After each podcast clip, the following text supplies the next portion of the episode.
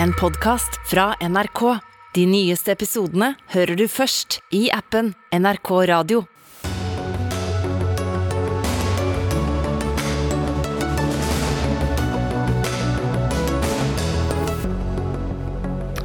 Kjell Inge Røkke har flyttet til Sveits fordi det er så fint der, ifølge brevet til aksjonærene.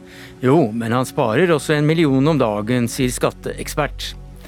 Valget i Sverige avgjøres på overtid. Skal det igjen ta 134 dager å danne en svensk regjering? Krigen i Ukraina kan bli historien om David og Goliat, hevder militæranalytiker. Mon det, sier konfliktforsker. Og vi har ikke lykkes med sykkelsatsingen her i landet, tilstår veidirektøren. Hun har helt rett, men mye er hennes feil, sier Sykkelforeningen. Ja, Det er noen av sakene i Dagsnytt 18 denne mandagen, der vi også får høre om fylkesordføreren som tapte kampen mot trollene på nettet. Men vi starter altså med utflytteren fra Kongelungen i Asker. Kjell Inge Røkke har allerede flyttet til Lugano i Sveits. Det gjorde han i et brev til aksjonærer og medarbeidere i dag, gjengitt i Dagens Næringsliv. Han gjør det fordi det er et veldig fint sted å bo, skriver han. Eivind Furuseth, førsteamanuensis ved BI med skatt og avgifter som spesiale. Vi trekker ikke i tvil eh, Luganos eh, skjønnhet, men det kan lønne seg også. Ja, man, eh, jeg har aldri vært i Lugano, men eh, det er sikkert fint der. Men eh, det har jo sine skattefordeler å flytte ut av Norge. Og det er jo særlig to forhold som er relevante. Det er jo den latente gevinsten han har på de aksjene han eier, og så er det en eventuelt formuesskatt. Ja, Hvordan vil det slå ut? Nei, For å ta formuesskatten først, så er det jo sånn at når du ikke bor i Norge lenger, så betaler du ikke formuesskatt i Norge. Eh, når det gjelder skatt på gevinsten på de aksjene han eier personlig, eh, så er det jo sånn at eh, på det tidspunktet man flytter ut, så blir det beregnet en gevinst. Men så lenge man da venter med å selge aksjene innen, lar det gå mer enn fem år, så slipper man å betale den gevinsten som er beregnet på dagen før man har flyttet ut. Så det er altså en femårsgrense for, for når det lønner seg å, å, selge aksjene? Ja, som privatperson. For da slipper du skatt? Ja. Av salget, hele salget? Av gevinsten. Av gevinsten av salget. Eh, du slipper skatt i Norge, og så må man jo se på reglene til landet man flytter til, hvordan skatten er der. Har du regnet på cirka hva slags summer man kan komme opp i? Eh, når det gjelder formuesskatten, så har jeg sett noen tall eh, på det. Eh, og der ser jeg det figurerer med tall med godt over, at han sparer godt over 1 million per dag å flytte ut av Norge. Så det er formuesskatten. Når det gjelder selve gevinsten ved salg av aksjene, så er det mye vanskeligere å beregne. fordi at da må du vite hva han har kjøpt aksjene for, og hva de er verdsatt på på tidspunktet på utflytting. Cecilie Langum Becker, du er økonomikommentator her i NRK, så hva er din eh, kommentar til utflyttingen? Altså, eh, Dette brevet hans til aksjonærene det er jo nesten litt sånn poetisk og selvransakende. og Han sier jo ikke rett ut 'jeg flytter til Sveits for å spare penger på skatt'. Eh, han nevner skatt én gang i det brevet, og det er når han sier at han har i hvert fall ikke valgt det stedet i Sveits der det er lavest skatt. Men det er jo, som vi hører her, når det er to så klare skattemessige fordeler ved å flytte til Sveits, så er det jo nærliggende å tro at det er nettopp en skattetilpasning som ligger i bunnen her. Og hvis du kan spare da en million kroner per dag, pluss denne denne, denne, skattemessige gevinsten som du ikke trenger å, eh, eller den gevinsten som du ikke trenger å skatte av, så er det jo klart at eh, de aller fleste tolker det jo som at han flytter dit for å spare skatt. Men finansmannen føyer seg dermed inn i rekken av rikinger som har flyttet fra Norge. Bør det bekymre Norge? Ja, jeg syns det bør det. Fordi at én ting er at Eh, de da måtte taper de skatteinntektene som de eventuelt kunne ha fått gjennom formuesskatten. Men en annen ting eh, er jo at eh, de på en måte har vært med og bygd opp selskaper. De har relativt mye store verdier, som de da sikkert også skal reinvestere senere. Og Hvis du da bor i Sveits og ikke i Norge, så er det jo ikke utenkelig at man da gjør en reinvestering, en investering i noe anliggende i Sveits istedenfor i Norge. Men han skriver samtidig at min kapital skal fortsatt arbeide i Norge. Ja. Det, det, og det er jo kapitalen han sikter til da, er vel antageligvis den som ligger i selskapene allerede. Eh, han er blitt knyttet eh, sterkt opp mot, eh, eller til, Arbeiderpartiet. Erna Solberg var jo svært opptatt av dette og skrev at, at hun var bekymret for samrøret mellom Arbeiderpartiet og Røkke. Hvordan ser det ut nå? Nei, altså, Det er jo ikke sånn at heller fordi man er knyttet til Arbeiderpartiet at man ikke driver skattetilpasning. Man har jo eksempler på, på også folk som er knyttet til Arbeiderpartiet som har drevet med det. Og så er det litt sånn eh, Når skattereglene er som de er, og man har disse smutthullene og man har disse mulighetene, så er det også litt sånn vanskelig å rette en veldig klar pekefinger mot de som velger å benytte seg av eh, anledningen. Hvis man, eh, man ser f.eks. Hadia Tajik som er ute i dag og, og er veldig, ganske kritisk til denne utflyttingen. Ja, hvorfor har man ikke da eh, tettet igjen disse smutthullene dersom det er så viktig? Sånn at eh, det er litt sånn eh, det er sånn litt, lett å kanskje peke på at uh, han gjør noe dumt, han, han vender på det samfunnet ryggen, men samtidig uh, så har man jo åpnet for at det er lett og kanskje fristende å vende samfunnet ryggen på den måten. Jo, for eh, det har vært mange, veldig mange kommentarer på, på, sosiale medier i dag om dette her, så det treffer nok nerve i det norske folk? Ja, mange opplever nok kanskje at det er litt sånn brudd med samfunnskontrakten, nesten. Man har bygget opp en virksomhet her i Norge basert på bl.a. den kompetansen folk i Norge har. Vi har et samfunn der hvor det, som, som ikke er korrupt, som, som det, er, det, er, det, er, det, er bra, det, er, bra, regelverk, det er tilpasset at man kan bygge opp virksomhet. Og så på en måte drar man ut proppen, nesten, føles det som. Og det der, det der vende eh, storsamfunnet litt ryggen, det er det nok en del som føler på. Og man har jo også kommentarer fra f.eks. Rødt i dag som mener at dette her er kvalmende og bare understreker forskjellen i det norske samfunnet. sånn at det, eh, det er ganske mange som blir sinte. Gunnar Stavrum, du er ansvarlig redaktør i Nettavisen, men du har også tidligere skrevet den uh, uautoriserte biografien om finansmannen Røkke. Ble du overrasket? Overhodet ikke. Eh, dette er jo ingen bombe. Dette er jo ting som den rød-grønne flertallet på Stortinget har blitt advart mot i flere år. Når de i fjor både skjerpa formuesskatten, også skjerpa beskatningen av aksjeinteresser. Eh, de skattla firmafly. Eh, og de har drevet og snakka om å innføre arveavgift og innføre flytteskatt. Det er klart at det er frista folk som har store formuer til å flytte fra Norge. Og Det som er interessant med Røkke, er at han har, han har gjennom ti år bare for å ta et tall og for å referere litt til Bjørnar Moxnes, i de ti siste årene så har Røkke betalt så mye skatt at han har lønna samtlige personer på Stortinget, inkludert Bjørnar Moxnes med, med sin skatt, halvannen milliard kroner, bare for å sette litt sammenheng. Han betalte 175 millioner kroner i skatt eh, tidligere. Det nye skatteregimet vil gitt han dobbelt så høy skatt. Dessuten så har de innført en utbyttebeskatning som gjør at han måtte tatt ut mer enn 600 millioner kroner av Aker bare for å betale inntektsskatt og formuesskatt. Og det er klart, Da er det veldig veldig lønnsomt å flytte til Lugano, selv om Lugano er bitte litt mer, litt mer skatt enn sug, f.eks. i mm. Sveits. Mm. Vi skal tilbake til en skattedebatt etter at uh, dere har uh, vært her. Men uh, han, han, skriver også at han vil jobbe med filantropiske prosjekter. Ja. hva er det? Eh, det jeg først og fremst tenker på da, er jo dette forskningsskipet slash yachten har bygget til flere milliarder kroner, som skal fly rundt, eller ikke fly, skal seile rundt på verdenshavene og, og bidra til å rense verdenshavene. Så, og Genévesjøen? Der tror jeg han sliter med å få opp den båten. Men han, eh, og jeg så jo Ordføreren i Asker også beklager jo veldig at han flytter, og, og roser han veldig for det han har gjort lokalt. Eh, bygd sykkelveier og stadion og sånn. Så liksom, Molde-folk liker han jo for Molde fotballklubb, så han, han, har jo faktisk gjort noe filantropisk også. Eh, men jeg tror ikke det først og fremst er filantropien som får han til å flytte til Lugano. Men er det en, et tap for Norge?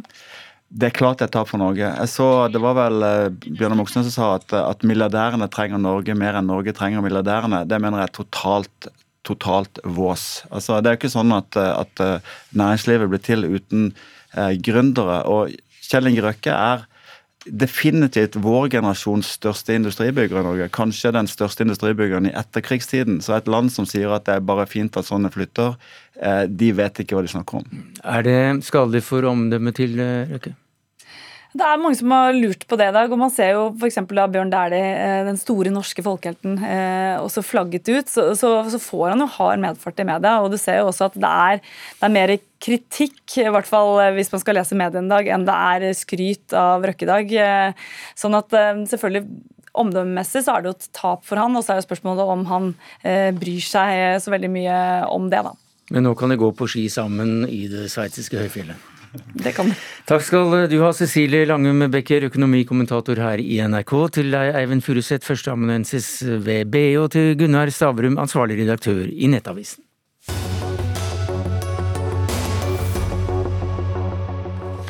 Men vi gir oss ikke helt med dette med skatt og folk som tjener eh, svært mye penger. Det er et helt forferdelig sted å bo. Det er Norge som han sikter til. Det kommer til å vare i mange, mange år, og det kommer til å være mange, mange flere som flytter. Dette sa eiendomsmilliardæren Torstein Tvenge til Dagens Næringsliv i dag, etter at nyheten om Røkkes flytting var kjent. Mimer Kristiansson, stortingsrepresentant, hva vil dere i Rødt gjøre med dette? Vi vil fjerne det smutthullet som gjør at du i dag kan flytte ut av landet og etter fem år slippe å skatte for de oppsparte verdiene du har i selskapet ditt, det er helt meningsløst. Eh, vi vil altså innføre en sånn exit-skatt som skal hindre denne type utflytting. Og Kjell Inge Røkke han sa for noen år siden noe som jeg mener er utrolig klokt, for til og med milliardærer sier av og til lure ting. Og det er dette. Hvis du har tjent en viss mengde penger, er de ikke lenger dine. De er samfunnsskapt. De er et produkt av samfunnet. Og Dette har Kjell Inge nå skifta mening om. Han har begynt å tenke seg, seg, seg. Han snur ryggen til samfunnet, stikker av gårde med pengene sine. Og hvor er verdiene til Kjell Inge? De er på verftene i Egersund, på Stord, i Verdal. De er ute i Nordsjøen, på oljeplattformer, på fiskefelt. Ingenting av dette får han flytta til Genévesjøen. Verken verft, fiske eller oljeplattformer. Sånn at alle hans verdier, all hans verdiskapning, all hans kapital, den arbeider i Norge. Men sjøl skal altså han flytte til Sveits for å spare personlig beskatning. Og det er urimelig. Mm. Og rett og slett relativt provoserende. Og så vil jeg bare legge til en Nei, et øyeblikk, det kan du rette på. Sivert Bjørnstad, stortingsrepresentant for Fremskrittspartiet. Hva sier du til disse reglene som eh, nå også Rødt vil endre? Det er jo litt rart når Mimir Kristiansson sier at eh, alle verdiene eh, ligger her i Norge, samtidig som han sier at han tar med seg verdiene til Sveits. Det går ikke an. De verdiene vil fortsatt ligge her. Jeg tror jo i sum at det er bra at man skatter der man er bosatt. Eh, jeg tror ikke at det er noe veldig juridisk enkelt landskap det forslaget som Mimir Kristiansson foreslår. Jeg tror heller ikke det er økonomisk veldig enkelt. og Man kan jo se for seg at hvis hvert enkelt land skal ha den type egne regler, så blir det ikke noe enkelt å, å flytte rundt i verden. Verken for dem som har mye eller dem som har lite. Men nå er det jo et utvalg som sitter og ser på, på det her og som jobber med det her. Det store problemet i dag er jo at vi har et skattesystem som gjør at mange ser seg nødt til å flytte ut. Ikke fordi jeg tror at de har lyst til å, å, å berike seg sjøl, men de har lyst til å sikre bedriftene sine, sikre arbeidsplassene, og at den kapitalen blir igjen i bedriftene, mm. i stedet for at de mm. må ta, ta, den ut og betale i skatt. Og det er vel en ærlig sak, Mimir Kristiansson? Altså, dette hadde jo vært en, flott, eh, en, flott, fortelling dersom det var sånn at det var Norge, bare Norge av alle land i verden, som hadde dette problemet. Men alle land i verden har dette problemet, nemlig at de rike folka i de landene flytter til Sveits. Dette gjelder jo i Sverige, i Danmark, i England, i Frankrike, i Spania, i Italia. I alle land i Europa flytter milliardærer til Sveits. Så det er Sveits som er problemet, det er ikke Norge. Og hvis vi skal være med i et kappløp mot bånden, der vi skal tilpasse våre skatteregler kontinuerlig etter hva rike mennesker finner for godt, da kommer vi til å bli et veldig fattig samfunn, og verden kommer til å bli et mm. veldig fattig sted. Og det er usolidarisk av en rik og velfungerende stat som Norge, i mine øyne, å akseptere at rike mennesker skal diktere skattebetingelsene ved å true med å flytte. Så jeg får bare sitere George Bush, holdt på å si. Altså, vi forhandler ikke med terrorister, og vi kan ikke forhandle med skatteterrorister heller. Vi vedtar de skattereglene vi skal ha i Norge, det vi mener er rimelig og riktig. Og så er verdiene til Kjell Inge Røkke, som Sivert også sier, igjen i Norge, mm. og de skal vi helt fint klare å beskatte sånn som det Men uh, om Røkke er skatteterrorist, det får for Det er dine ord, og han er heller ikke her til å forsvare seg. Men uh, Bjørnstad, hva sier du til denne kritikken? Men som man også var inne på i den tidligere debatten, så tror jeg ikke det vil være noe problem på kort sikt. fordi Kjell Inge Røkke har en så sterk tilknytning til Norge at han uansett, han og hans generasjon eh, som flytter ut, vil fortsette å investere i, i Norge. Men det er klart at det kan bli et problem på sikt, fordi at hans barn og hans barnebarn, som kanskje også flytter, de vil ha mindre tilknytning til Norge. og Hvis det da fører til at om en generasjon eller to får færre investeringer i Norge, og de heller investerer pengene i Polen eller Spania eller USA eller hvor som helst, så har jo hele AS Norge tapt. Det er derfor det er så viktig at vi har et skattesystem som er konkurransedyktig. og Du trenger jo ikke å dra lenger enn til Sverige og Danmark, som er styrt av sosialdemokratene, før du finner land som ikke har den type kapitalbeskatning vi har i Norge, nemlig formuesskatten, som gjør at nordmenn som eier bedrifter i Norge, lokalt eierskap, blir skatta ekstra. Mens utlendinger slipper å skatte i Norge, og man må skatte mm. uansett om bedriftene tjener penger eller ikke. Kristiansson. Den samla kapitalbeskatning i Norge er veldig lav sammenlignet med de andre OECD-landene. Og i tillegg så er det sånn at det er ikke noe vanskelig å bli rik i Norge. Det er vanskelig å være fattig i Norge, men det er ganske lett å være rik. Og Sverige og Danmark snakker Sivert Bjørnstad om. Ja, der flytter òg folk til Sveits. Så det er ingen land i verden som slipper unna dette Sveits-problemet. Og Kjell Inge Røkke, altså de investeringene han har gjort i Norge, de kommer altså ikke av hans gode vilje. Det kommer av at det er fisk og olje i havet her. Det kommer av at det er verdensledende verft her som er over 100 år gamle. Kjell Inge Røkke er ikke 100 år gammel. De er over 100 år gamle, de verftene. Sånn at alt dette her er verdt å investere investere i for rike mennesker, eller for andre mennesker for den saks skyld. Fordi at det er verdiskapende virksomhet. Det handler ikke om hva slags pass eh, den som eier det, har. Det handler om at verdiene skapes her i Norge. Og det er det som nå Kjell Inge Røkke spenner beina nå, ved å prøve å ta med seg gevinsten fra de verdiene til Lugano, som det verken er verft, olje eller fiske. Takk skal du ha, Mimir Kristiansson, stortingsrepresentant for Rødt, og til deg, Sivert Bjørnstad, stortingsrepresentant for Frp. Dere fikk vi tak i, vi fikk ikke tak i Kjell Inge Røkke. Takk skal dere ha.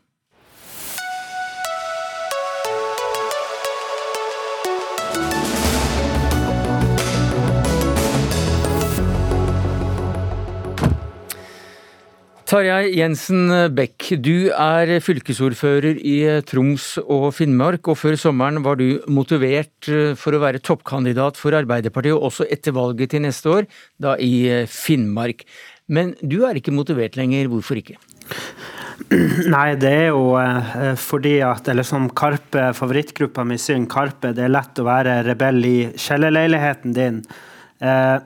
Og for meg så har det rett og slett vært for mye eh, hets i eh, kommentarfeltene.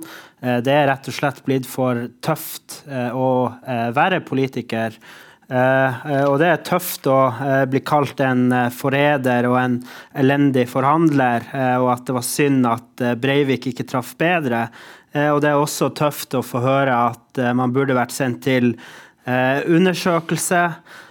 Og det er også tøft å få høre at Eh, man må se seg rundt eh, hjørnet, og neste gang så kommer jeg til å stå der med en pistol, og da er du død. Mm. Og for meg har den totale belastninga blitt rett og slett for mye.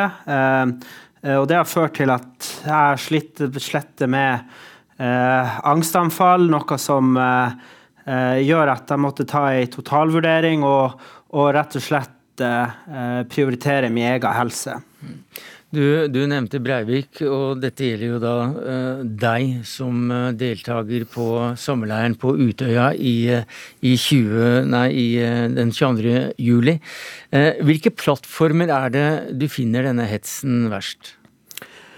Nei, det er jo særlig på sosiale medier, og, og gjerne på Facebook, også i, i redaktørstyrte medier sine Eh, kommentarfelt på eh, Facebook. Men så har det også vært eh, SMS-er og, og, brev i, i posten. Og jeg syns rett og slett at det er blitt for tøft å, å være politiker. og jeg håper i hvert fall at man kan starte en debatt om det her, sånn at vi får et oppgjør med det her. fordi at jeg frykter at det her Eh, bidrar til at man, man svekker eh, rekrutteringa til politikken, og at eh, sånne som jeg ikke lenger greier å være med, og at man kun sitter igjen med de mest hardhuda politikerne som, som tåler alt. Tore Bjørgo, du er leder for Senter for ekstremismeforskning og professor ved Universitetet i Oslo og Politihøgskolen. Og du forsker nettopp på, på dette her. Hva tenker du når, når du hører Jensen Becks historie? Nei, dessverre er jeg ikke overraska. Dette gjenspeiler, eller er et uttrykk for noe vi har sett uh, over lang tid, at det er uh, en, for det første en betydelig andel av politikerne som har opplevd veldig mye trakassering og hets og til dels alvorlige trusler. Og at dette har vært også økende det har vi sett gjennom lang tid på stortingspolitikere og regjeringsmedlemmer, hvor blant de som svarer på vår undersøkelse, så er det gått fra sånn ca. en tredje til nesten halvparten som har eh, fra 2013 og fram til i fjor, som har opplevd eh, alvorlige trusler, i en type drapstrusler mot seg og familien, hærverk på eiendom, eh, forsøk på angrep og lignende. Og dette får jo konsekvenser også, eh, både på deres privatliv, i den forstand at det er eh, man blir redd for sin egen sikkerhet, familiens sikkerhet. Man blir begrensa i å bevege seg ute i nærområdet. Men ikke minst på deres politiske virke, hvor vi ser en, en eh, økende andel, ganske dramatisk økende andel av de som svarer på undersøkelser, som forteller at de, det begrenser deres eh, ytringsfrihet, deres mm. vilje til å kunne engasjere seg i kontroversielle temaer. Det dreier seg om nærmere 20% og også en betydelig andel som vurderer å trekke seg fra politikken. Og det er jo demokratisk problem. Det er det, som han var inne på. Altså det, det, er viktig at vi får representert alle grupper, og at det ikke bare skal være de mest tjukkhuda eh, som, eh, som, eh, skal be, be, sitte på Stortinget eller i andre politiske posisjoner. Mm. Og at de som på en måte har hatt livserfaringer som kanskje kan være traumatiserende, deres stemmer må også bli hørt. Du nevnte økning. Hvordan er den? Da vi så på dette spesielt med, med, det vi kaller de alvorlige hendelsene, så var det 36 i, da vi spurte stortingsrepresentanter og regjeringsmedlemmer i, i 2013 som, som, svarte bekreftende på det. Det økte til 40% i 2017 og 46% da vi spurte for et, i, i 2021. Mm. Og det, det, tyder på at det går eh, gæren vei. Og det meste av økningen skjer på sosiale medier. Som for eksempel? Ja, det, ja Facebook eller andre. Mm. Og, og, det skyldes jo delvis at, at, politikerne bruker sosiale medier mer, men også at befolkningen gjør det mer. Men også at det har utvikla seg en tone, et, et, debattklima, hvor noen tror at de kan si hva som helst uten at det skal gjøre noe. Vet du noe om de som sitter på den andre siden av skjermen og utøver netthets, altså disse trollene? Ja, vi, vi, har ikke forska spesielt på disse, vi har bare spurt de som har vært utsatt, eh, hvem de tror, hva de tror kjennetegner de som står bak. Og, da, eh, og hva de tror motiverer dem. Og da er det jo eh, litt sånn blanda. For det første så handler det mye om konkrete politiske saker eller at det er misnøye med et eller annet som, de, eh, som eh, myndighetene har gjort. Men vi ser også at det kan dreie seg om, om personer som er, eh, har ja, konspirasjonsteorier, eller en del, særlig de unge disse ungdomspolitikere, rapporterer særlig om, om, at de tror det er motivert av konspirasjonsteorier og høyreekstremisme og rasisme. Det ser vi ikke så ofte blant hva skal jeg si, de hovedpolitikerne. Men, men Eh, det er, det er, også en del personer med psykiske lidelser sannsynligvis bak her, som, som, tar dette ut eh, på forskjellige vis, og kanskje også når de har drukket litt og, og blitt eh, senka terskelen for hva de kan si. Men hva kan de da gjøre, de som opplever en, en slik hets? De aller mest alvorlige hendelsene, eller de virkelig alvorlige hendelsene, må selvfølgelig melde til politiet. Men det er slik at ytringsfriheten er veldig vid når det gjelder politiske ytringer. Og det er ganske bare det aller verste som kan straffeforfølges. Og da er det viktig at de andre, altså både kolleger i politikken, eh, enten det er kommune og styre eller det er institusjonen, institusjon, Stortinget for den saks skyld, eh, at de stiller opp og backer opp som best de kan, og at deres nærmiljø også støtter dem. For det er, det er veldig ensomt å stå aleine. Mm i denne, denne hetsen. Ja, For vi og, hører jo da at uh, trollene vinner av og til? Ja, dessverre så gjør de det. Mm. Og det er, uh, vi ser jo det at det, er, det gjør det vanskelig og vondt å, å, være de som skal gjøre jobben som politikere for oss andre. Og det, det, Derfor så er det viktig at de får støtte og backing så langt det går. Men eh, Terje Jensen Beck, nå fylkesordfører, ikke kandidat til neste periode, men du trekker deg ikke helt? Nei, jeg føler fortsatt at jeg har noe å gi, så jeg har gitt beskjed om at jeg skal ha litt mer Har lyst på en litt mer tilbaketrukket rolle, så jeg føler at det fortsatt er viktig for meg å, å drive med politikk. Og for meg så er, er politikk det er blodig alvor, og det visste nettopp 22.07 for meg hvor viktig politikk er. og og jeg ønsker i hvert fall fortsatt å, å la på en måte dem som, eh, dem som ble drept på Utøya, at de fortsatt skal kunne eh, At tankene deres og ideene deres fortsatt skal kunne få lov til å, til å leve videre. Mm. Fordi at uh, det er så mange av dem som, som ikke fikk lov til å leve videre. Så Derfor syns jeg fortsatt at, at det er viktig å engasjere seg. Hva tror du kan gjøres da for at uh, dette problemet med trollene på nettet kan bli mindre? Spør du meg? Mm. Uh, nei, det er vanskelig å si, men jeg tror jo uh, at det er viktig å anmelde. Og så tror jeg også at det er viktig at, at politikere som engasjerer seg, uavhengig av hvor man er på det Eh, politiske spekteret tar eh, ansvar og sier ifra når man opplever ting som er ugreit. Eh, og jeg tror f.eks. at hvis en i Frp irettesetter noen som tilhører høyresida, eller hvis noen som er på venstresida irettesetter noen som er på venstresida når man ser noe som er ugreit, at man har et kollektivt ansvar, også at man tar vare på hverandre. Eh, så jeg tenker at det, det, er flere til ting, men jeg har ikke noe eh, mm. enkeltsvar på hva man eh, kan gjøre. Men jeg tror i hvert fall at vi kollektivt må, må, må ha en kollektiv innsats for å få bukt med det. Sier du til det, Virgo? Nei, Jeg tror også det er viktig at, at, de får støtte fra ulike hold. og Det er også viktig, særlig, det gjelder særlig lokalpolitikerne, som ikke blir på en måte passa på spesielt av PST, slik det gjelder for for myndighetspersoner sentralt. Eh, så at eh, det lokale politiet tar disse eh, anmeldelsene på alvor og ikke bare, bare avfeie det. Er, det er spesielt viktig at politikerne får, som, som, skal ivareta demokratiet, får, blir fulgt opp skikkelig av politiet. Og Der ser vi veldig varierende praksis. Noen av disse lokalpolitikerne forteller at de blir veldig godt ivaretatt av politiet, og andre sier at blir bare, de bare trekker på skuldrene. Og Det er viktig at man her får en, en mer helhetlig støttende praksis, og at man følger opp med strafferettsbehandling der det er grunnlag for det. Takk skal du ha, Tore Bjørgo, leder for Senter for ekstremismeforskning og professor ved Universitetet i Oslo og Politihøgskolen. Og takk til deg i Tromsø, Tarjei Jensen Bech, fylkesordfører for Troms og Finnmark fra Arbeiderpartiet.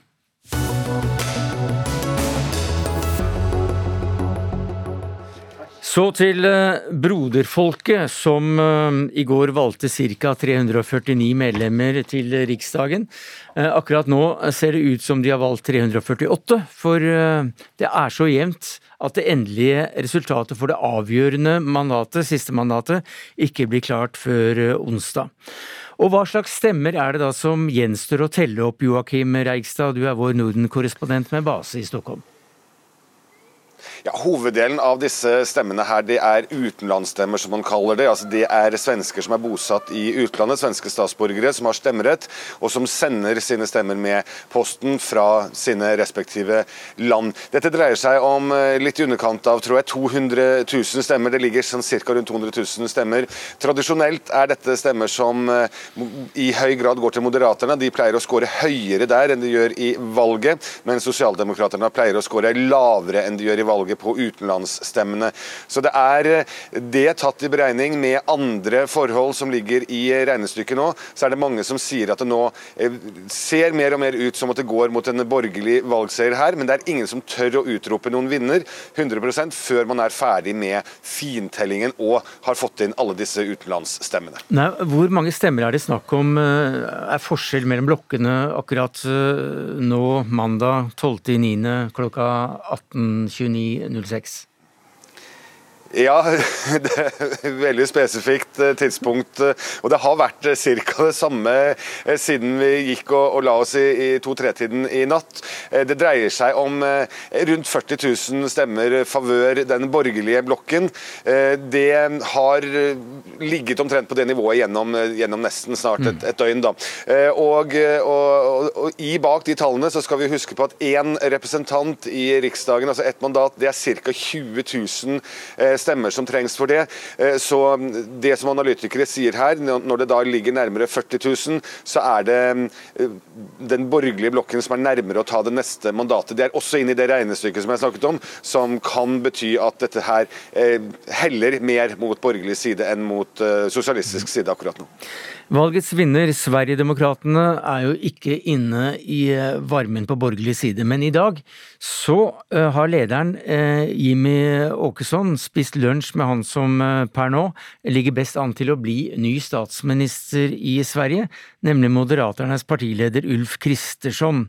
Og hva snakket de om over en kaffe og en limpa, Tone Sofie Aglen, du er politisk kommentator i NRK, nå i Stockholm?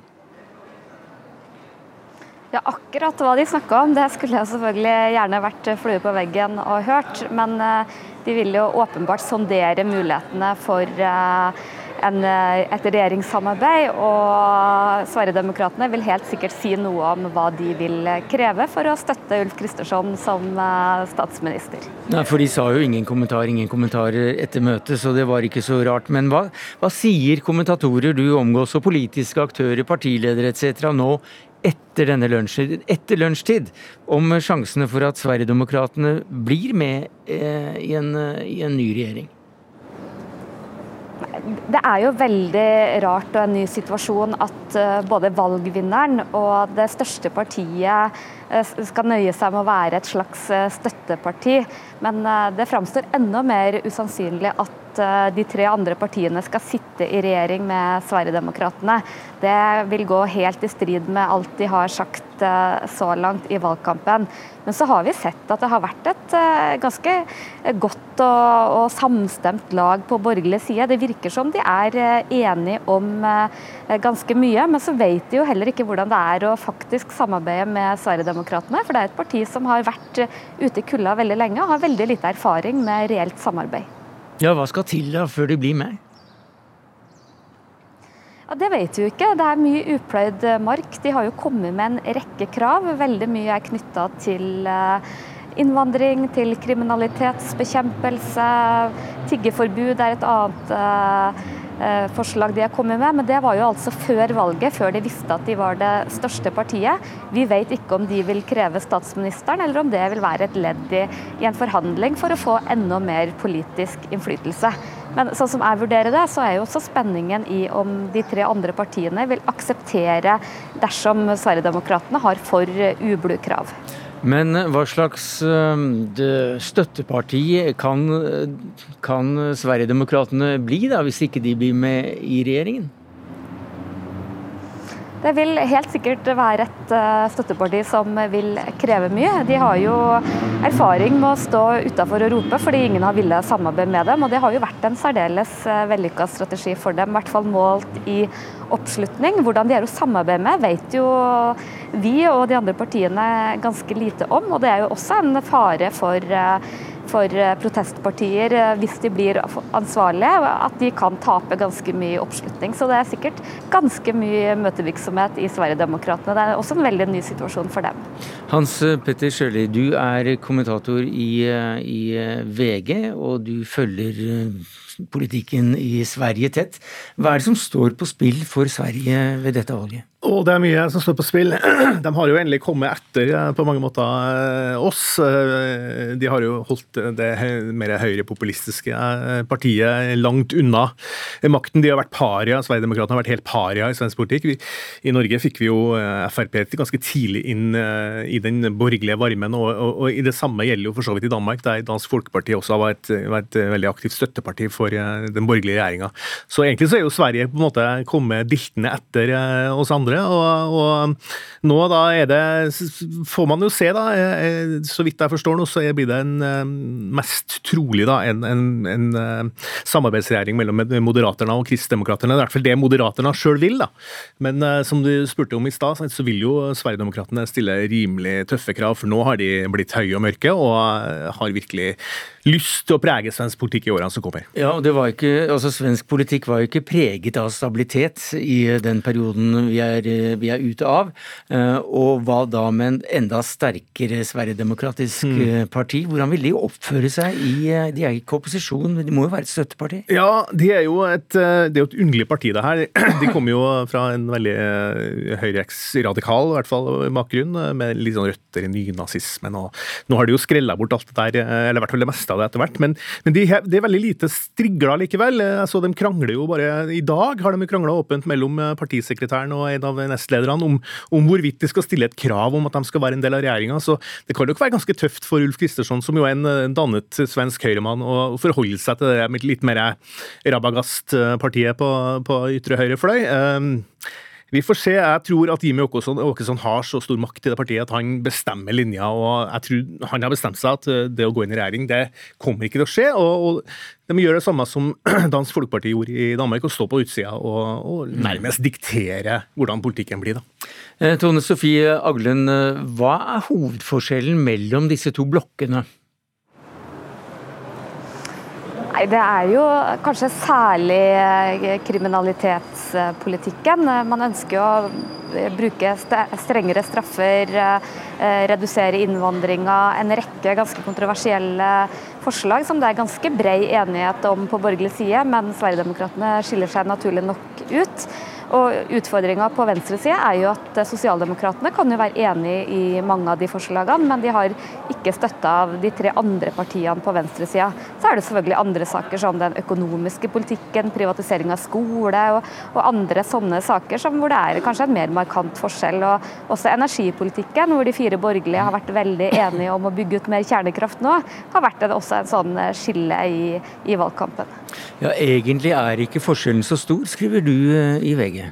Ja, eh, ja, det er kanskje å ta i litt, da. Men altså, det som Tone, det er du, tone, det er du som har skrevet det. Ja, jeg siterer meg sjøl, så det er jo det er alltid bra. Men, nei, men som Tone sier, så er det, så er det jo er, sånn at sosialdemokratene har jo, har jo stramma inn på innvandringspolitikken. Det har de gjort siden egentlig flyktningkrisen 2015-2016. Så, så, det er jo, det er jo en, en, De har også forstått at Sverige sin innvandringspolitikk eh, var i overkant liberal i mange år, og at det har ført en del problemer, særlig i, i forsteder og i i, de store byene. Så, så, men, men altså, at, at, jeg får følelsen at den valgkampen her handla ikke så veldig mye om politikk. Det handla mest om, om hvorvidt Sverigedemokraten skulle få makt, eller, mm. eller hva, hva, som skjer på en måte i, i spillet. For det, fordi det er jo som du sa, altså Etter forrige valg i 2014, nei, 2018 så brukte de jo fire måneder på å danne regjering. Det har vært et sabla rot i svensk politikk i, i mange år. og Endelig så ser det jo for så vidt ut som at blokkene har sementert seg litt mer, da, og at man får en litt mer forutsigbar situasjon. Eh, men sosialdemokrat... Eh, jeg skrev jo en kommentar i går kveld. Jeg var jo helt overbevist om at uh, rød-grønn side kom til å vinne, for de leda så lenge. Uh, og at Magdalena Andersson gjorde et kjempevalg, og det gjorde hun for så vidt.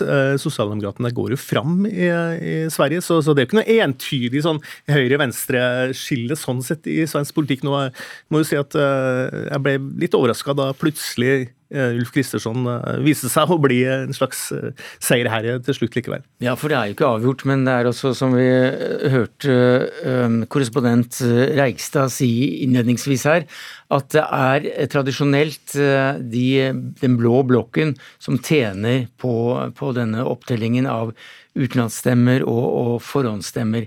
Så hva blir resultatet til slutt, Aglen? Ja, det det kan ikke jeg fortelle deg. Det kan jo selvfølgelig dukke opp en postsekk med venstresidestemmer, men mest sannsynlig så blir det jo et borgerlig flertall. Og kommer det ikke i mål, så handler vel det om at noe skjærer seg i forhandlingene. Og det jeg i hvert fall ikke ville utelukka, er at eh, enkeltpolitikere, kanskje i Liberalerne, som er søsterpartiet til eh, Venstre, kan finne på å synes at det blir for drøyt. Det, jeg tror fortsatt det kan bli mye drama i svensk politikk når det er så skjøre allianser.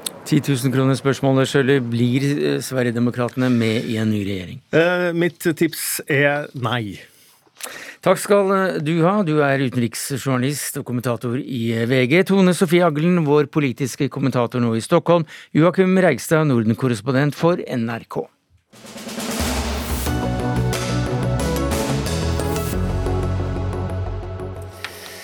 Ja, Ukrainske styrker eh, skal ha gjenerobret et område på 3000 kvadratkilometer i nord og nordøst for eh, Kharkiv. Spørsmålet er nå hvordan en såret bjørn eventuelt vil slå tilbake. Vi hører og leser om denne fremgangen. Kildene er ofte ukrainske myndigheter eller vestlige militære. Men hvordan opplever du dette på bakken, Morten Jentoft, utenriksmedarbeider på oppdrag i Ukraina? Jo, det er klart at uh, Her i Ukraina så holder jo folk uh, pusten. De vet ikke om de helt skal tro det som akkurat nå uh, skjer. Man har jo ventet i mer enn et halvt år på at Ukraina skal slå tilbake mot den russiske aggresjonen. Den ukrainske armeen har blitt kritisert for å være forsiktig for å holde tilbake. Men nå ser det jo ut som at eh, man, eh, i alle fall i dette, denne delen av, av, av landet, altså her i nordøst, eh, har lykkes med en, en, dristig, men også veldig godt forberedt offensiv, å tvinge de russiske styrkene tilbake. og um, man har jo gått såpass kraftig og raskt fram at Russland eh, rett og slett har vært eh, nødt til å trekke seg tilbake i hu og hast. Ofte etterlatt både materiell og delvis også, også soldater eh, for å komme seg unna de framrykkende russiske styrkene. Og, og meldingene nå i kveld som du sier, de tyder på at denne framgangen kommer til å, eller holder på å fortsette, også inn i Donbas-området. Ja, Hva skjer da med de russiske styrkene? Altså, de, de rømmer tilbake til Russland? Eh, ja, delvis har de trukket seg tilbake nordover uh, til, over, over, grensen til Russland. Her fra Harkiv og opp til grensen så er det jo bare vel 40 km, det er ikke langt. Østpå så ser det ut som en del av disse styrkene er i ferd med å trekke seg sør-østover, inn i Folkerepublikken Luhansk, altså de områdene som de russiskstøttede separatistene kontrollerte før krigen eskalerte kraftig da ved det russiske angrepet 24.2. Så ehm, eh, eh, Russland sier jo selv at man driver en, en såkalt eh, organisert omgruppering. men de meldingene og de bildene som vi ser bl.a. her fra Harkiv fylke, tyder ikke på at dette har vært så veldig godt organisert. Tom Røseth, du er leder av Forsvarets høgskoles forskningsgruppe nettopp på Ukraina, og du er da hovedlærer i, i etterretning. Eh, til Dagbladet i dag så sier du at eh, dette kan virke som om eh, David har slått Goliat. Hva mener du med det? Med det mener jeg at det var vel ingen av oss som trodde at Ukraina skulle klare dette ved invasjonstidspunktet 24.2.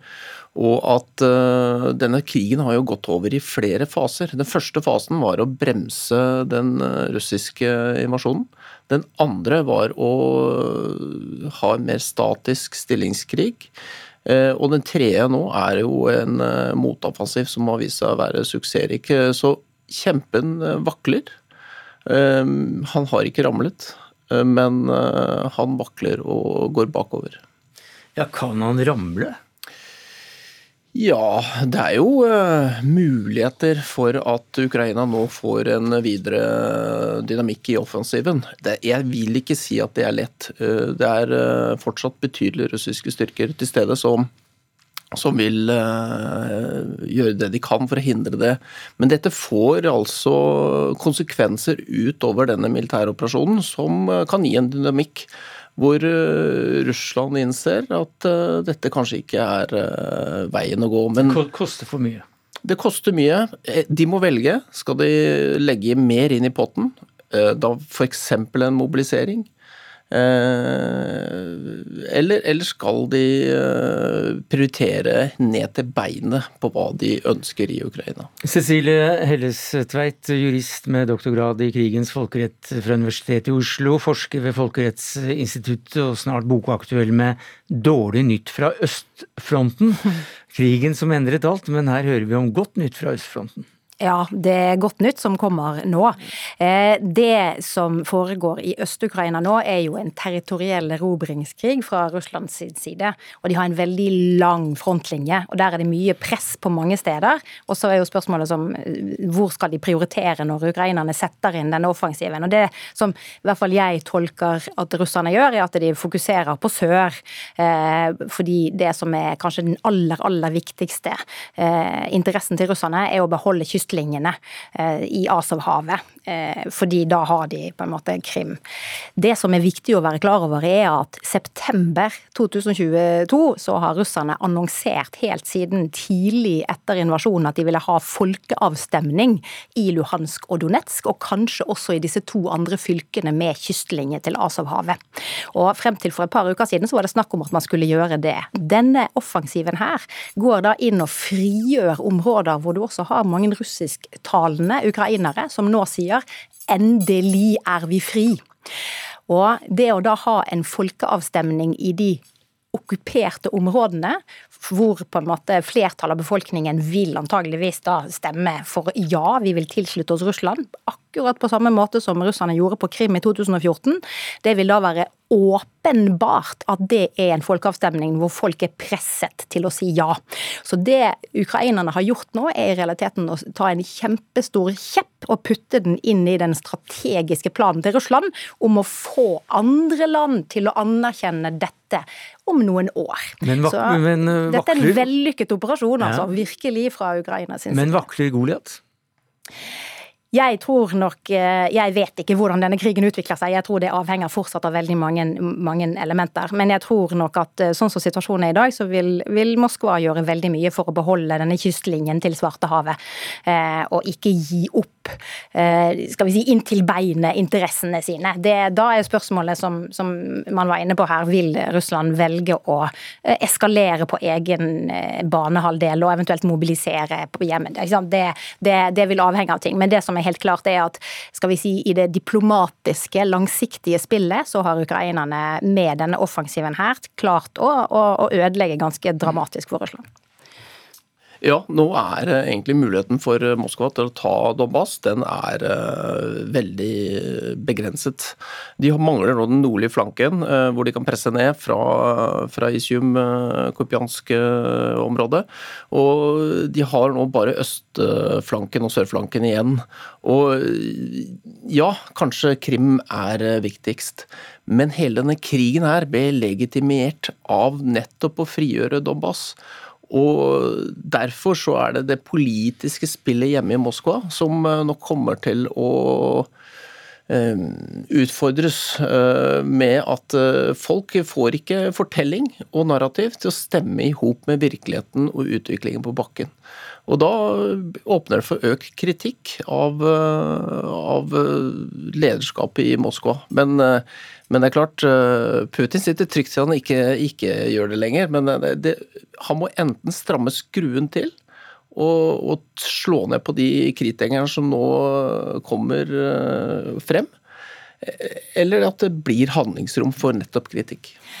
Jeg tror nok at den eh, på en måte opposisjonen på hjemmebane akkurat nå eh, ikke nødvendigvis er så krevende for Kremlin, fordi de har veldig god kontroll på mye av informasjonen som kommer ut. Og det er klart, eh, sånn som Moskva har lagt opp propagandaen på hjemmebane om hva denne krigen handler om, og hvem som er motstanderne, og hvem som egentlig er på andre siden, så er det klart dette kan forklares på, på, på mange måter som ikke nødvendigvis er lik vår analyse av situasjonen. Jo, men hvis situasjonen faktisk er slik eh, vi hører, da, at de går på tap etter tap, og, og, og mange, mange, analytikere mener at Goliat eh, vakler her, og at eh, David har en upper hand, så er det vel grenser for hvor lenge et russisk folk kan tro på Putins fortelling?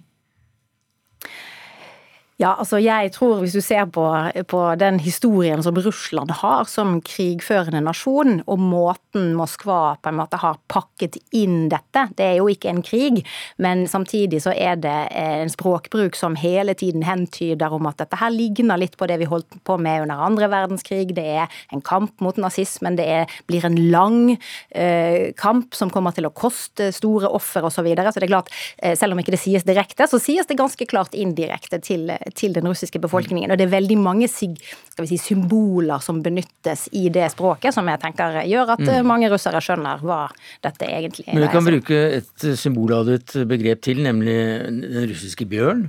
Og hvis den da er såret, så, såret villdyr, et såret villdyr vet, vet alle hvordan oppfører seg, nemlig det er ganske aggressivt. Det er ikke fare for at de nå Eh, bruker helt andre midler, at de redefinerer krigen og, og slår til på en annen måte som, eh, som, er grusommere? Jeg er mer redd for en uh, aggressiv uh, mannevondbjørn enn en, en, en uh, skadet bjørn, for så vidt. Også et, et, selvsikkert Russland. Sånn som de Hadde de vunnet den krigen, så hadde utfordringen vært større. Men det er klart, Putin har færre veivalg eh, nå. Eh, militærmaskinen fungerer ikke optimalt slik han håpet. Skal han eh, mobilisere? Det er et spørsmål. Skal han Han sender jo Eller Medvedev er jo veldig velvillig i å være mørkemann for Putin også, og skremmer med nukleære virkemidler. Ja, ja for altså, bare la meg avbryte, avbryte deg der. For altså, de fleste kriger tar jo slutt fordi at en av partene vinner. Um, men med en av verdens største eller nest største arsenaler av atomvåpen, så er det jo rart å tenke seg at, at, Russland vil tape. Jeg tror nok at den mest sannsynlige utgangen på dette militært er at eh, russerne blir stående i de områdene som er av vital interesse for Russland. Eh, og da blir spørsmålet over tid kommer russerne til å få aksept for at dette skal innlemmes i Russland. Og det er akkurat de folkeavstemningene som nå skulle avholdes i disse områdene. Men det er klart når de skal avholdes, og du samtidig har frigjøring av andre områder hvor folk sier 'endelig er vi fri', så er det klart da blir prisen som Russland over tid må betale for å få andre lands støtte for at dette er en anerkjent del av Russland, mye høyere. Mm. Det er det samme som når israelerne sier Golan er israelsk, resten av verden sier nei, det er annektert eller okkupert territorium. Men så sier amerikanerne nei, nå gir vi dere retten til å akseptere mm. dette som israelsk territorium. Det er nok den planen Russland har på lengre sikt, og det har ukrainerne klart å sabotere ganske ettertrykkelig med den offensiven. Morten Jentoft eh, i eh, Ukraina. Eh, hva er det ukrainerne kommer til å se spesielt nøye etter nå i framtiden? Ja, eh, Man sier jo det at det er uaktuelt å gå inn i noen forhandlinger med Russland akkurat nå. Det har jo eh, president Volodymyr Zelenskyj eh, sagt. Men nettopp dette med disse folkeavstemningene har jo også vært et veldig sentralt spørsmål. Jeg var nede i Zaporizjzja i flere dager, og det var jo et av de områdene der russerne hadde planlagt en folkeavstemning 4.11. Det interessante nå er jo at det kommer opplysninger om at de folkeavstemningene pga. denne offensiven nå er lagt helt på, på is. Så får vi jo se hva de ehm, eventuelt kan, kan, gjøre i disse såkalte folkerepublikkene. Eh, det eh, kan jo også være vanskelig i og med at eh, de ukrainske styrkene, vi hører jo meldinger nå i kveld, er på vei mm. inn i ikke minst folkerepublikken Luhansk. Takk skal du ha, Morten Jentoft, utenriksmedarbeider på jobb i Ukraina for NRK. Takk skal du ha, Tom Røseth, leder for Forsvarets høgskoles forskningsgruppe på Ukraina og hovedlærer i etterretning. Og til Cecilie Hellestveit, som snart er aktuell med en ny bok. Takk skal dere ha.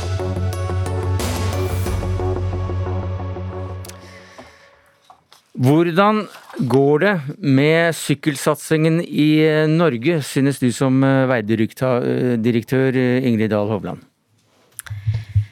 Ja, Som vi skriver i dag i eh, Aftenposten, så er det jo en reduksjon i eh, sykkelandelen på, eh, i Norge. Og det er, ser vi jo på med bekymring. Så det er jo noe med at vi ikke klarer å få ut det vi skal få ut i forhold til å øke sykkelsatsingen. Nei, Vi har ikke lyktes med norsk sykkelsatsing, sier du? Ja, jeg sier det. Og vi har jo ikke det. Vi har jo en et samla mål på 8 eh, og vi ligger nå på under det halve. Eh, og i byvekstsammenheng så har vi faktisk oppe i 20% målsetting. Men du, jeg må nesten si at dette er en ganske uvant, ydmyk holdning i forhold til hva vi er vant med fra andre direktør, direktoratdirektører. Men hvorfor er det så vanskelig å gjøre det bedre, da? Jeg tror det er ganske sammensatt. Eh, det er å få til et godt samarbeid med kommunene. Vi er jo helt avhengig av å få til det gode flerpartssamarbeidet med kommunene ute, som er regjerende myndighet, og som er der vi i, i stor grad skal ha ut effekten. Så eh, vi ser vel at det å bygge sammenhengende, altså det å ha høy sikkerhet, god drift og vedlikehold på det vi har sykkelveinett, det er viktig for å få mm. flere til å sykle og gå. Morgan Andersson, du er generalsekretær i syklistenes ja, Sykkelforeningen heter det nå, det heter vel Syklistenes Landsforbund før. Hva tenkte du da du leste kronikken til veidirektøren i dag i Aftenposten? Jeg vil berømme henne for at eh, de innrømmer at ikke de har nådd langt nok. At de har eh, mislykkes i satsingen sin. Det er jo første steg til å virkelig finne løsninger. Og vi vet jo eh, av erfaring fra utlandet hva som fungerer. Og vi må ha en trygg sykkelinfrastruktur i bånn. Det har vi ikke i Norge. Vi hadde allerede i Norsk veiplan 1977 et mål om at vi skulle bygge ut sammenhengende sykkelveinett i alle norske steder og 5000 eh, innbyggere i løpet av de neste åtte år. Ennå nå, godt over 40 år seinere, så er det ingen byer som har det. Det må ligge til grunn. Vi må ha innsatsen der, og byvekstavtalen er virkemidlet. Så vi må ha forpliktende investeringer der og også etter tid, å få bygd ut sammenhengende sykkelveinett i alle norske byer. Ja, Er det bevilgninger, altså er det politikernes eh, oppgave dette her, eller er det også Veidirektoratet? Veidirektoratet og Vegvesenet har jo et ansvar her. De er jo sektoransvarlige for sykkel, så de må jo lede an. Og de sitter jo også i, som forhandlingsledere i byvekstavtalene, som er selve virkemidlet for å få til gode sykkelløsninger. Så de har mye makt i dette spillet her? Ja, det vil jeg si. Ja, det er klart Byvekstsamarbeidet er viktig i de fire største byene for å få opp sykkelandelen. Det er, det er helt klart. Men her må kommunene og vi må samarbeide i, i, større grad enn det vi har klart å få til for å få sammenhengende sykkelveier. Det er både det å få sammenhengende sykkelveier over en større lengde for å få opp bruken, og så det å få kanskje litt på bredder og tilgang på areal i forhold til det å få opp tryggheten for brukerne. Og det er jo noe med at det vi tilbyr brukerne skal være både godt drifta og vedlikeholdt. Eh, det tror jeg vi har sett en bedring på det siste året. Men i tillegg at du har tilstrekkelig areal eh, i bredden, sånn at du føler trygghet. Og det er jo kampen om arealet i byene og i, oppi det her. Du er vel ikke uenig i det, Andersson, men, men hvilken utfordring er det du da vil gi til eh, Ingrid Dahl Hovland som veidirektør? Jeg vil ønske at vi skal være visjonære på vegne av sykkelsatsingen og lede an. Vi trenger en større verktøykasse i Kommune-Norge, ja det gjør vi. Så der har man en jobb å gjøre.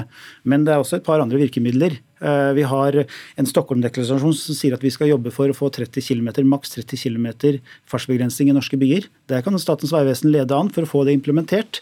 Eh, vi må ha gode initiativ for å omfordele eksisterende gateareal. Det koster ikke mye, eh, men, men må, noen må lede an i det arbeidet og gi kommunene mm. gode initiativer og en god verktøykasse. Det er altså mye du kan gjøre allerede i dag? Ja, og det er viktig akkurat det med omfordeling av areal. For det er kampen om arealet i byene. og det... Ja, dere må lede an, sier han. Gjør dere det? Ja, vi gjør nok det i eh, byvekstsammenheng, men det er det å få Er det det inntrykket du sitter med? Ikke så langt, men nå hører vi jo andre toner, da. Hvis vi leser kronikken mm. til Ingrid, og så det er godt å høre. Så jeg håper på en endring, men vi må se konkrete resultater.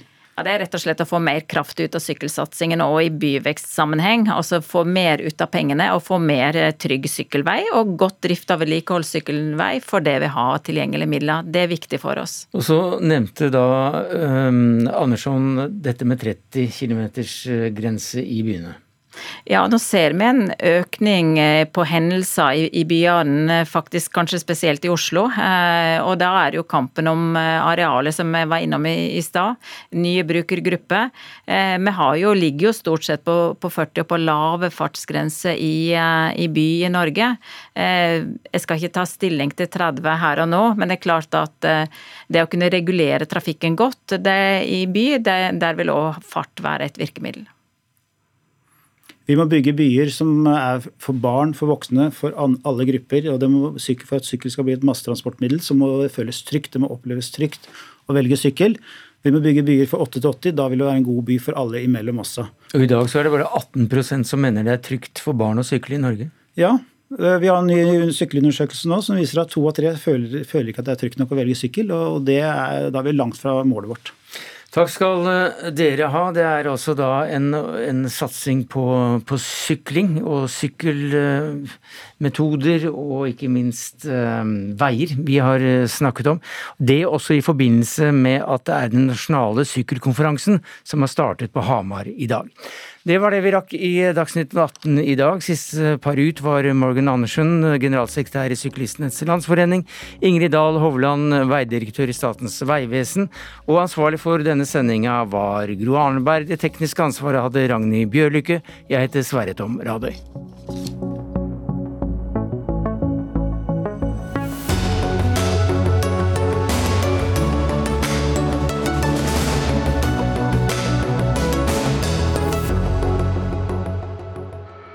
Du har hørt en podkast fra NRK. De nyeste episodene og alle radiokanalene hører du i appen NRK Radio.